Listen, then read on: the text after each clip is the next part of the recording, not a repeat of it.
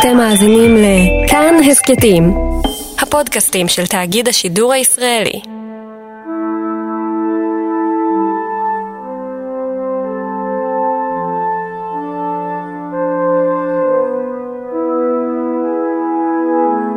כאן במה, כאן הסכתים ותיאטרון תמונה מציגים ותכתוב, יצירתן של שרה בלאו ועמנואלה עמיחי.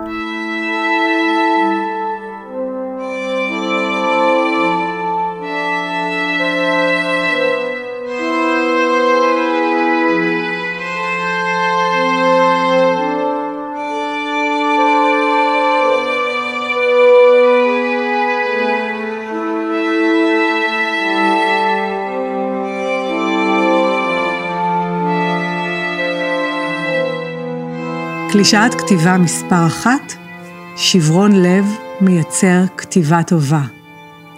אז אני אגיד את זה הכי ברור שאפשר, שברון לב לא מייצר כתיבה טובה. כשאת בתוך קטסטרופה את לא יכולה לכתוב. הדבר היחידי שאת יכולה לכתוב זה הקטסטרופה. נגיד עכשיו, הדבר היחידי שאני יכולה לכתוב זה כואב, כואב, כואב. או למה, למה, למה. כל הדימויים היפים וכל הקישוטים וכל הטקסטים שאנחנו אוהבים, זה מגיע אחר כך, הרבה אחר כך.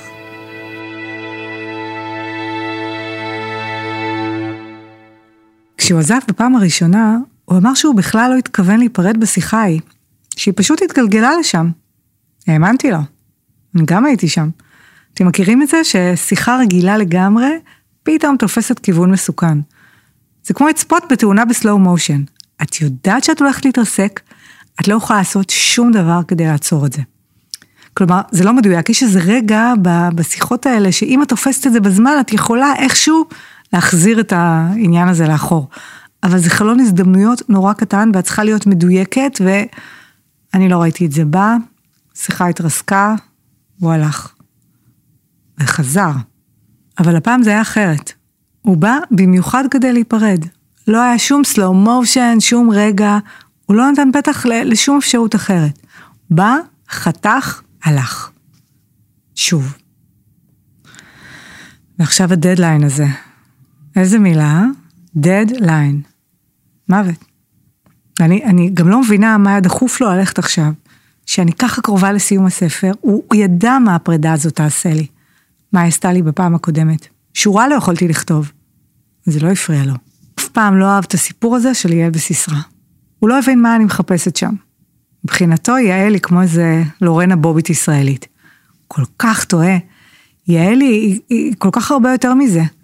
למרות שאני חייבת לומר שככל שאני יותר חופרת בה, אני, אני מבינה שיש שם איזה משהו אפל שאני לא רואה, וברור לי שאני אבין את זה, אני, אני אסיים את הספר, אני פשוט צריכה את הזמן הזה, אני, אני עוד לא שם, אני, אני עוד לא שם.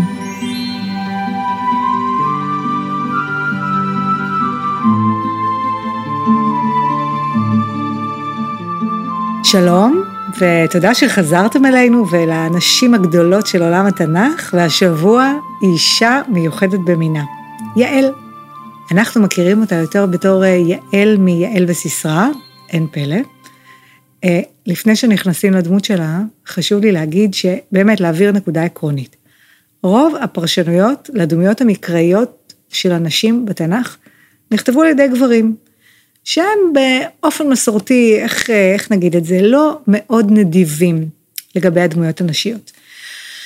נשים בתנ"ך הן בדרך כלל נשים של, רעיות של, אימהות של, נכדות של, סבתות של, הן לא עומדות בפני עצמן. יש פרשנויות שאומרות שכשכתוב על אישה שהיא הייתה עקרה, יכול להיות שהיו לה בנות, זה פשוט לא נחשב. האישה היחידה שהתנ"ך מציין שהיא נולדה, דינה, הבת של יעקב. כל פועלה היה להיאנס באכזריות, אז תודה רבה באמת. לשמחתנו היום אנחנו בתקופה אחרת, ויש יותר פרשנויות נשיות. אנחנו קוראות בנשים ומפרשות אותן. אנחנו מדברות בשמן. אנחנו מלוות אותן לאורך כל הדרך, מההתחלה ועד הסוף. מהבראשית ברא ועד ה... ותשקוט הארץ 40 שנה, שזה הפי אנד תנכי. בכלל, השאלה הזאת, למה, למה 40? למה לא 400 שנה? למה לא ארבעת אלפים שנה? אני אישית הייתי חותמת גם על ארבע שנים של הפי אנד, אבל מילא. ככה גם מסתיים הסיפור שלנו, על יעל וסיסרא, אבל עד שמגיעים ל"ותשקוט הארץ" הזה, להפי אנד, יש הרבה דברים. אוקיי, אז בואו נתחיל. שופטים פרק ד', סיפור יעל וסיסרא. הרקע, יבין מלך חצור שולט בבני ישראל ביד קשה 20 שנה באמצעות שר הצבא האימתני שלו, סיסרא. הם מחליטים לצאת למלחמה. בראש צבא ישראל עומד ברק, מחוזק בדבורה הנביאה, בראש צבא חצור עומד סיסרא, זו מלחמה קשה, מאוד, ובני ישראל פותחים אותה מנקודת חולשה, אבל בתנ"ך, בניגוד לחיים האלה, שם יש הפתעות. תראו. ויהום השם את סיסרא ואת כל הרכב ואת כל המחנה לפי חרב לפני ברק. וירד סיסרא מעל המרכבה וינס ברגליו. וברק רדף אחרי הרכב ואחרי המחנה עד חרושת גויים. ויפול כל מחנה סיסרא לפי חרב, לא נשאר עד אחד. וסיסרא נס ברגליו אל אוהל יעל אשת חבר הקיני, כי שלום בין יבין מלך חצור ובין בית חבר הקיני. אתם מבינים? יעל וסיסרא הם היו בכלל בני ברית, הם היו באותו צד. ופה אגב אנחנו פוגשים פעם ראשונה את יעל, אשת חבר הקיני. מה זה אשת חבר הקיני? יש אומרים שהיא נמנתה על שבט הקיני, יש אומרים שהיא הייתה נשואה לאדם בשם חבר, והוא היה קיני, ואני אומרת לכם, יעל הייתה אישה עצמאית, והיא לא נמנתה והיא לא השתייכה לאף אחד. תזכרו את זה לקראת שבוע הבא. תודה שהייתם איתנו. בשבוע הבא עניינים מתחממים. היו עימנו. סיסרא, ועל מה סיסרא, ועל מה, ועל מה, ועל מה, ועל מה, והכתה, ועל, ועל מה. תגידו לי, זה לא מוזר לכם שהוא לא קרא אף ספר שלי? אף ספר? אני תמיד תהיתי אם הוא פוחד ממה שהוא יגלה שם, כל מיני מקומות אפלים שלי שהוא לא מצליח להתמודד, או שזה פשוט לא עניין אותו. הוא תמיד אמר לי, אני אקרא אותך אחרי שניפרד. הוא לא יודע, שבוע שעבר חזרתי הביתה ומצאתי אותו קורא את הספר האחרון שלי. הוא לא ראה שראיתי אותו קורא ככה, הגניב אותו מתחת ספר אחר. אני לא אמרתי לו שראיתי אותו. אבל עכשיו אני לא יכולה לשאול את עצמי, יכול להיות שאני כותבת גרוע? אולי בגלל זה הוא הלך? הנה, תשפטו אתם. ככל שהזמן עובר, הם מתחלפים ביניהם. פניהם מטשטשות ומתמזגות זו בזו, ורק היא נשארת. למרות הזמן שחולף, הלב לא מתחסן, לא מתקשח. הלב הוא האיבר הטיפש ביותר בגוף. לא סתם גודלו כגודל אגרוף, הוא מעניק לך מהלומות מבפנים. לא, לא, לא, לא, לא, זה, זה רגשני מדי, זה, זה כתיבה בעייתית. זה כמו לכתוב את הדבר עצמו. זה כמו לכתוב, הוא עזב לפני יומיים. הוא עזב שוב לפני יומיים. אני לא אעשה את זה. אם את רוצה לכתוב ככה, לכי דברי עם חברה. אל תכתבי ספר. זה העניין, שבספר צריך להתרחק. בגלל זה אני אוהבת ללכת על הקבלות לאירועים, לא יודעת, היסטוריים, מיתיים. ככה את לא לבד. את חלק מסיפור יותר גדול. למרות שאיזה חבר אמר לי, זאתי מתעלקת על סיפורי התנ"ך. אז קודם כל, מתעלקת זה מילה מכוערת, ואני לא מתעלקת, אני משתמשת בהם. בשביל זה הם פה, כן? זה עוזר. תראו, אני לא יודעת אם זה עוזר לי שאתם פה, שאת או אתה מקשיבים, אני, אני לא יודעת. אני גם לא יודעת אם מישהו באמת מקשיב, או שאני רק מדמיינת. אני לא יודעת מה עדיף. מסוכן מדי לחשוב עליכם. בכלל, בזמן כתיבה, אני לא חושבת עליכם. אבל עכשיו אין לי ברירה, אתם מבינים? מבחינתי אתם פה, ואם אני מצליחה להסביר לכם למה יעל חיסלה אותו, למה היא באמת חיסלה אותו, אולי אני אצליח להבין את זה בעצמי, אוקיי? אה, אני קראתי פעם, כשיש משהו בתנועת הלעיסה, שהוא מעביר את המוח לגלי בטא, ואז מגיעות תובנות עמוקות באמת. אבל זה, סליחה, אבל זאת לא רק הלעיסה, זה הכמויות. וכשאני כותבת, אני מדברת איתכם על כמויות אדירות של אוכל, באמת. סירים שלמים של אורז, תפוחי אדמה, לחם, בצקים, סוכרים, ואז חמוצים, ואז שוב בצקים, באמת, שרשרות כאלה של אוכל. ואחרי כל הזלילה הזאת שאני כזה מקורקעת לכיסא, מזיעה ומותשת ושונאת עצמי מרוב אכילה, אז מגיעות תובנות עמוקות באמת. באמת. כל ספר עולה לי איזה עשרה קילו, אבל לא הספר הזה, כי הוא אהב אותי רזה, אז השתדלתי לאכול פחות. אין לי ספק שזה דפק את הכתיבה. אגב, סיפרתי לכם על הצלקת שלי, לא? יש לי צלקת לאורך כל עמוד השדרה. באמת, מהשכמות ועד עצם הזנב. צלקת מפוארת. אני קוראת לה הקניון האפל שלי. מישהו פעם אמר לי, זה נראה כאילו מישהו פתח אותך, חיטט בפנים וסגר. זה בדיוק מה שקרה. בגיל 14 גילו שיש לי עקמת. עמוד השדרה כבר היה מחופף בצורת האות S, 42 מעלות עקמת. הפתרון היה חגורת שנו. אל תיתנו לשם החמוד הזה להטעות אתכם. זה היה מכוך פלסטיק נוקשה שהייתי צריכה ללבוש 23 שעות ביממה. ולבשתי. כן, ילדה בת 14 שכל מה שמעניין אותה זה, זה הגוף שמשתנה לה. זה לא עזר. עמוד השדרה הלך והתעקם, והפתרון היה ניתוח. עכשיו, זה היה ניתוח קשה ואני פחדתי, אבל הרופא הבהיר לי בחביבות שזה או ניתוח או מוות. אז uh, בבוקר הניתוח, אני עומדת בחדר הניתוח, בתחתונים, כשלחדר פורץ המנתח ובעקבותיו שיירה של סטאג'רים. כולם בנים. ואז הוא מציג להם את המקרה, יש לנו פה 42 מעלות עקמת. הבנים מתרשמים, ואני פתאום שומעת כזה, אחד מהם שרק, החתיך. ואז הוא אומר לי, תסתובבי. אני עומדת קפואה שם, כן? אני, אני לא יכולה לזוז. אז הוא טופח עליי כזה כמו על סוסה, ואומר לי, תסתובבי. היד שלו לחה, ואני מבינה שזאת היד שתחזיק בסכין.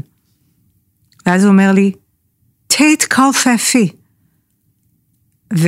וכשאני מתכופפת שם, הוא מתחיל להסביר להם על מהלך הניתוח.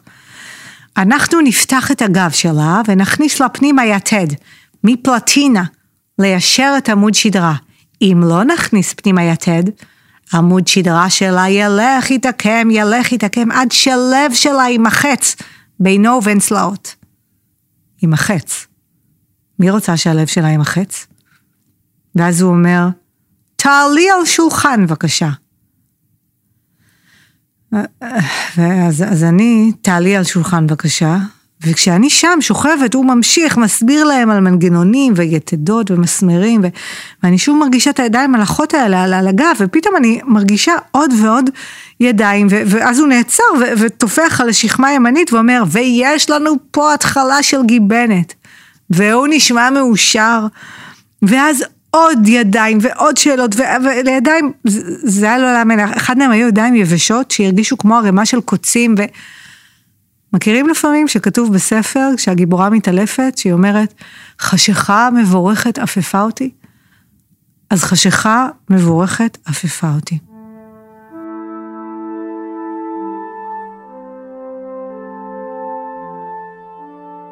כשקמתי מהניתוח, היה בתוכי יתד, מפלטינה, כזה ששמר על הלב שלי שלא יימחץ. תראו, אני ממש מתנצלת שאתם צריכים לשמוע את זה. אני יודעת, אתם אמורים לקבל ספר סגור, כרוך, חתום עם כריכה, זהו. בלי כל ההתערטלויות האלה. מצטערת, באמת. ומשהו יותר גרוע, אני בכלל לא אמורה לחשוב עליכם שאני כותבת. אני, אני לא, לא, מי חושב על הקוראים? אם הייתי חושבת על הקוראים שלי, שורה לא הייתי יכולה לכתוב. כל המחשבות, כל, מבחינתי כתיבה, זה כמו לזרוק רימון ולברוח. את לא נמצאת שם שהוא מתפוצץ. את לא צריכה להתמודד עם כל ההדף. אבל עכשיו, כן, אני, כולנו פה, נכון? אני ממש יכולה לדמיין אתכם. אני יכולה לדמיין אותך עם איזה סוודר צהוב, אותך עם איזה חולצה כחולה, אה, אתה אולי בכלל בדרך לעבודה עם האוזניות. אוף, נראה לי שמישהו שם משועמם, בטוח. אתם מבינים כמה זה קשה? איך אפשר לכתוב ככה? שלא לדבר על זה שיש דברים שאני אפילו לא מעיזה לדמיין, שכל אחד יכול להקשיב לי עכשיו. אפילו אתה. אתה פה? לא מבינה, לא מבינה את כל, ה... כל הכתיבה הזאת, כל הסיפור הזה, כל ה... הם היו בני ברית, כן? יעל, סיסרא, בני ברית. זה, זה לא היהודייה שהורגת את הגוי ומצילה את עם ישראל. וגם אם כן, היא הייתה, כן, יעל הייתה אישה נורמלית, זה לא איזה אישה רצחנית. אדם נורמלי לא הופך תוך שנייה לאיזה מחסל. אלא אם כן, אוקיי, אלא אם כן, זה אולי היה אישי. ואז את יכולה להיות מחסלת תוך שנייה.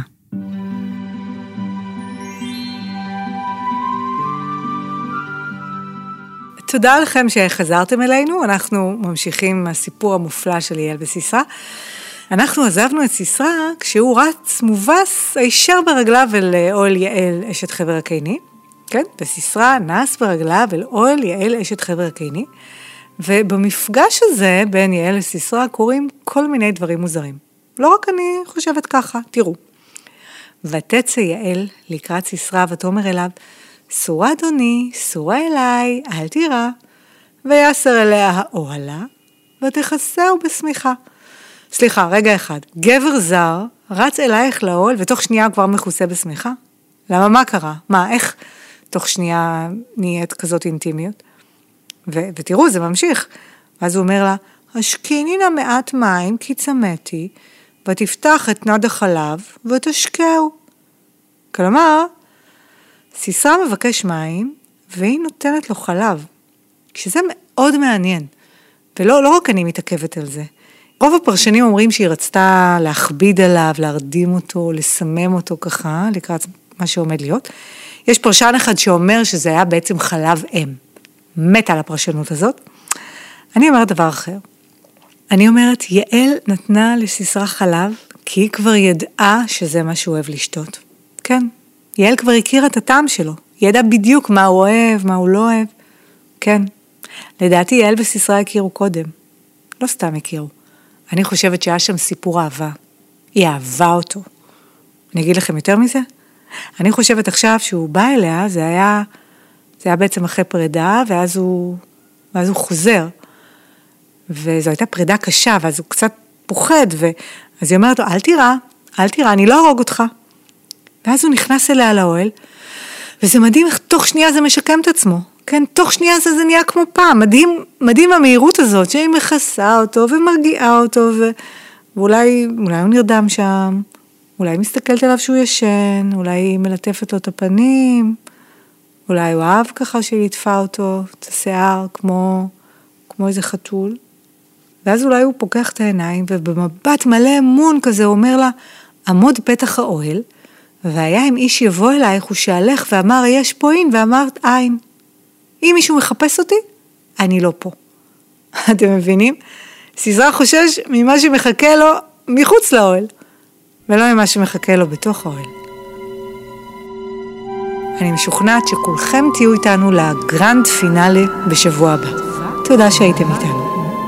על מה ועל מה ועל מה ועל מה ועל מה ועל מה סיסרא ועל וכתבה ועל מה ועל מה ועל מה ועל מה ו... הדבר הכי נורא בכל הסיפור הזה, שאין לך אסוציאציות חופשיות, כלום. כל דבר מזכיר לך אותו, כל דבר, לא יודעת, קבוצת כדורגל מטומטמת שהוא הזכיר פעם, הגן של האחיינית שלו, סופר שהלכתם, איזה פרח ש... זה, זה פשוט כאילו אין לך שום מחשבה חופשית, כל פיפס מזכיר לך אותו. זה, זה לא יאמן, כמו חיידק טורף שהשתלט לך למוח ואכל כל חלקה טובה.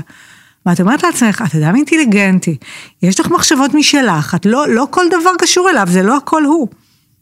אבל אז את מבינה שזה כן הוא. שאת פשוט הלכת ומחקת עצמך ו... ולא השארת שום דבר, את כאילו לא קיימת. כאילו לא קיימת, זה רק הוא. אבל זה גם לא רק הוא, נכון? כי כל פרידה מקפלת בתוכה את הפרידות הקודמות. זה כמו גופה ועוד גופה ועוד גופה. ותמיד חוזרים לפרידה הראשונה, למנגנון. הפרידה שלי הייתה, לא להאמין, זה היה חומר כתיבה מעולה. זה היה שנה אחרי שהכניסו לתוכי את היתד, זה שהיה אמור לשמור על הלב שלי שלא יימחץ, אז שנה אחר כך הוא נמחץ בפעם הראשונה. הייתי אז אה, בשמינית, ובדיוק אז החליטו להקים אצלנו באולפנה מקהלה. כן, את המקהלה הקימה קבוצת אה, נדבניות מאוסטרליה, ובאוויר ריחפה איזו הבטחה עמומה על נסיעה לאוסטרליה להופעה בקיץ. כמובן שכל בנות האולפנה עמדו בתור לאודישנים, גם הזייפניות, ומכל השירים בעולם, השיר שהם בחרו לשיר האודישנים היה עץ הרימון. מכירים?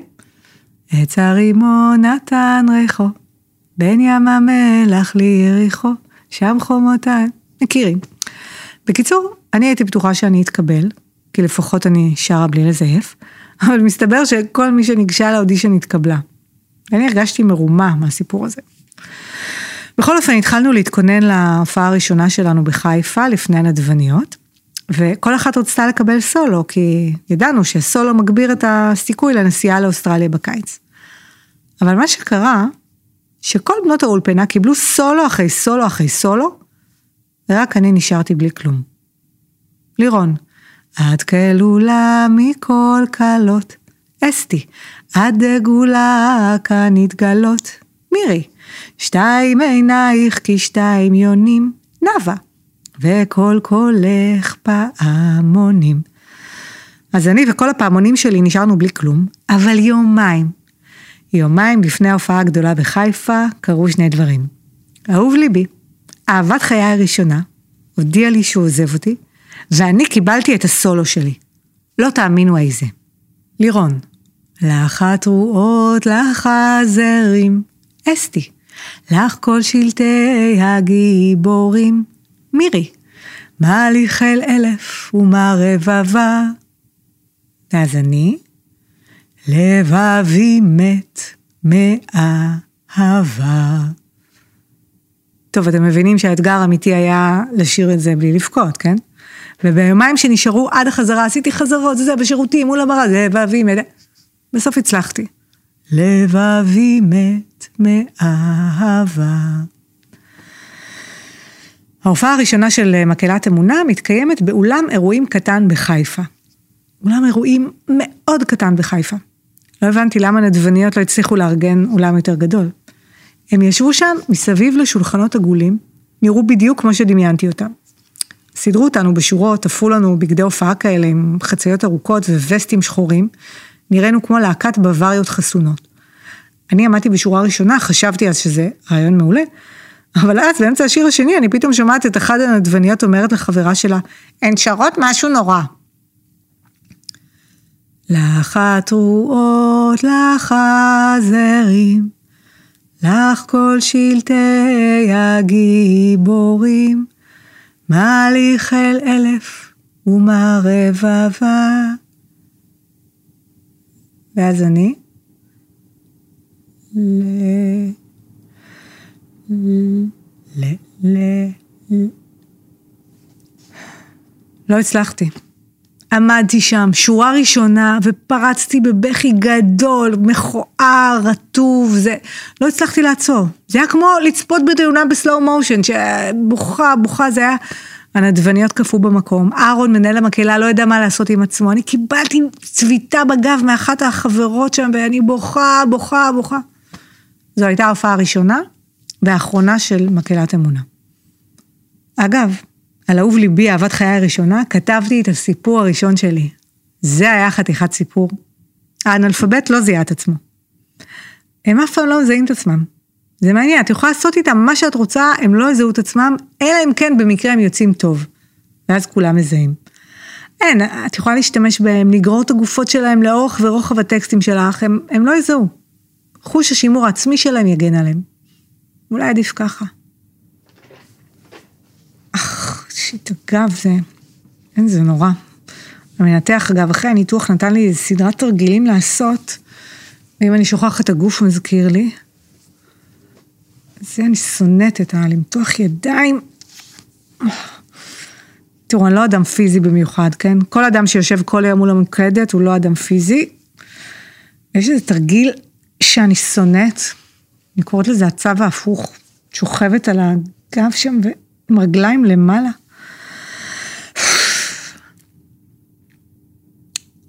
זה מוזר, זה מוזר, מוזר. תראו, דיברנו כל כך הרבה, לא זוכרת הקול שלו. אני זוכרת סיטואציות, זוכרת על מה דיברנו, אני זוכרת מה אני אמרתי, לא זוכרת מה הוא אמר. אני זוכרת אבל את הפנים שלו, זה כן. נראה לי שאני אף פעם לא אשכח אותם. זה שאני כותבת עליו עכשיו לא עוזר. אני גם לא מבינה למה אומרים שהמציאות מחלחלת לכתיבה. זה בדיוק הפוך. הכתיבה יוצרת את המציאות. אני אומרת לכם, זה הפוך. נגיד ברומן האחרון שלי, הגיבורה עלתה על במה, נהייתה שחקנית. בספר הראשון שלי, כתבתי פרק שהגיבורה מצטרדת ומאבדת הכל. יומיים אחר כך איבדתי את הכל לגמרי. הרופא לא הבין מה קרה, ואני הבנתי. היה גם משהו בספר הקודם שאני, ככה בשביל איזה סצנה, ניסיתי להיזכר באיזה מישהו שראיתי כדי לכתוב אותו. לא ראיתי אותו 20 שנה, יומיים אחרי שאני כותבת, מי הולך מולי ברחוב? מה זימן אותו? מי זימן אותו? אני אומרת לכם, הכתיבה מייצרת מציאות. והספר האחרון שלי, זה כבר היה סיפור אהבה. בין מישהו למישהי. הוא ניגש אליה אחרי אחת ההרצאות שלה, הוא כזה התחיל איתה. הוא מאוד נמשך לכוח שלה, לחוזק שלה, לגב שלה. הוא תמיד אמר לה, יש לך עמוד שדרה, ברזל. היא פשוט אהבה אותו. אחרי כמה זמן שהם ביחד, אז כן, כמה זמן את יכולה להחזיק אה, עמוד שדרה עם ברזל? יותר רכה, יותר מרצה, יותר אוהבת. הוא מגלה באמת שזה לא עמוד שדרה עם ברזל, שיש שם יתד מפלטינה. זה כבר פחות מוצא חן בעיניו. והוא הולך. את לא מאמינה שזה קורה. זה... אין, הכאב. אחרי כמה זמן הוא חוזר. עכשיו, כולם אמרו לה שלא תעיזי בחיים לקבל אותו. כן, אדם שעושה לך דבר כזה פעם אחת, ברור שהוא יעשה את זה עוד פעם. אבל מי מקשיב לעצות האלה? וברור שהיא קיבלה אותו, ו... ושוב הם היו ביחד, והיא הייתה כל כך מאושרת, ו... ואז הוא שוב הלך. שוב חזר, ושוב. ואז היא נשבעה לעצמה שהיא לעולם, לעולם, לעולם לא תניח לעצמה שדבר כזה יקרה לה. איך, איך, לא להאמין, איך את נותנת לאהבה כל כך להחליש אותך, לעוור אותך, איך, איך את נותנת לזה לקרות? ועכשיו, עכשיו אני כותבת ספר על מישהי, שכותבת על מישהי, שיום אחד קמה והורגת את הגבר שהיא אוהבת. ואני יודעת שזה מסוכן, כן. אני כבר עשיתי את זה, אתם מבינים? אני אישית חיסלתי את כל מי שאהבתי. ההורים שלי עוד לא התאוששו מהספר שכתבתי עליהם. חברים שלי, חברות שלי, או מורים שלי, אנשים שהכרתי, את כולם אני חיסלתי. ועכשיו הגיע תורך. אתה מבין את זה, נכון? שעכשיו הגיע תורך.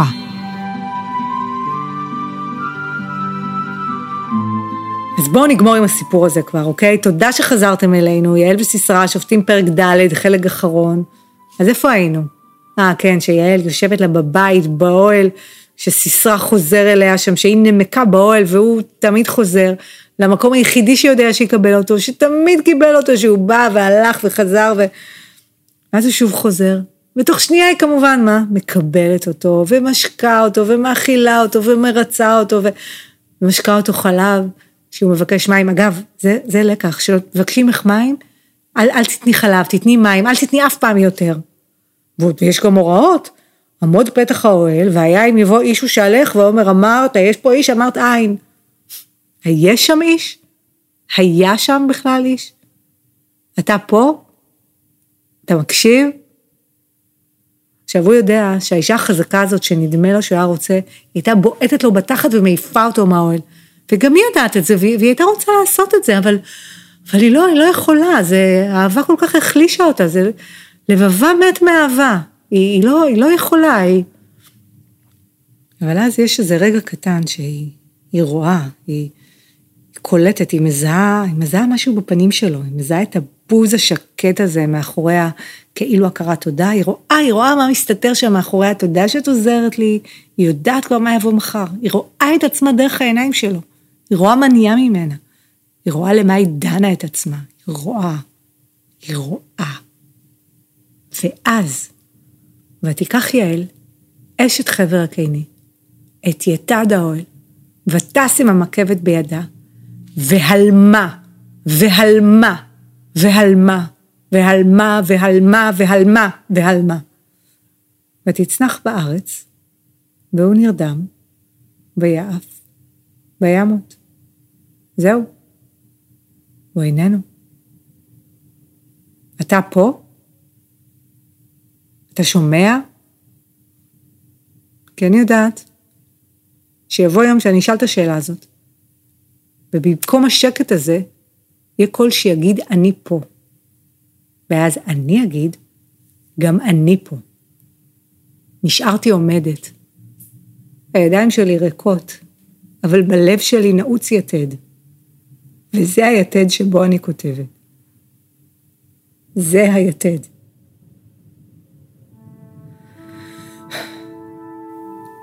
ותשקוט הארץ ארבעים שנה.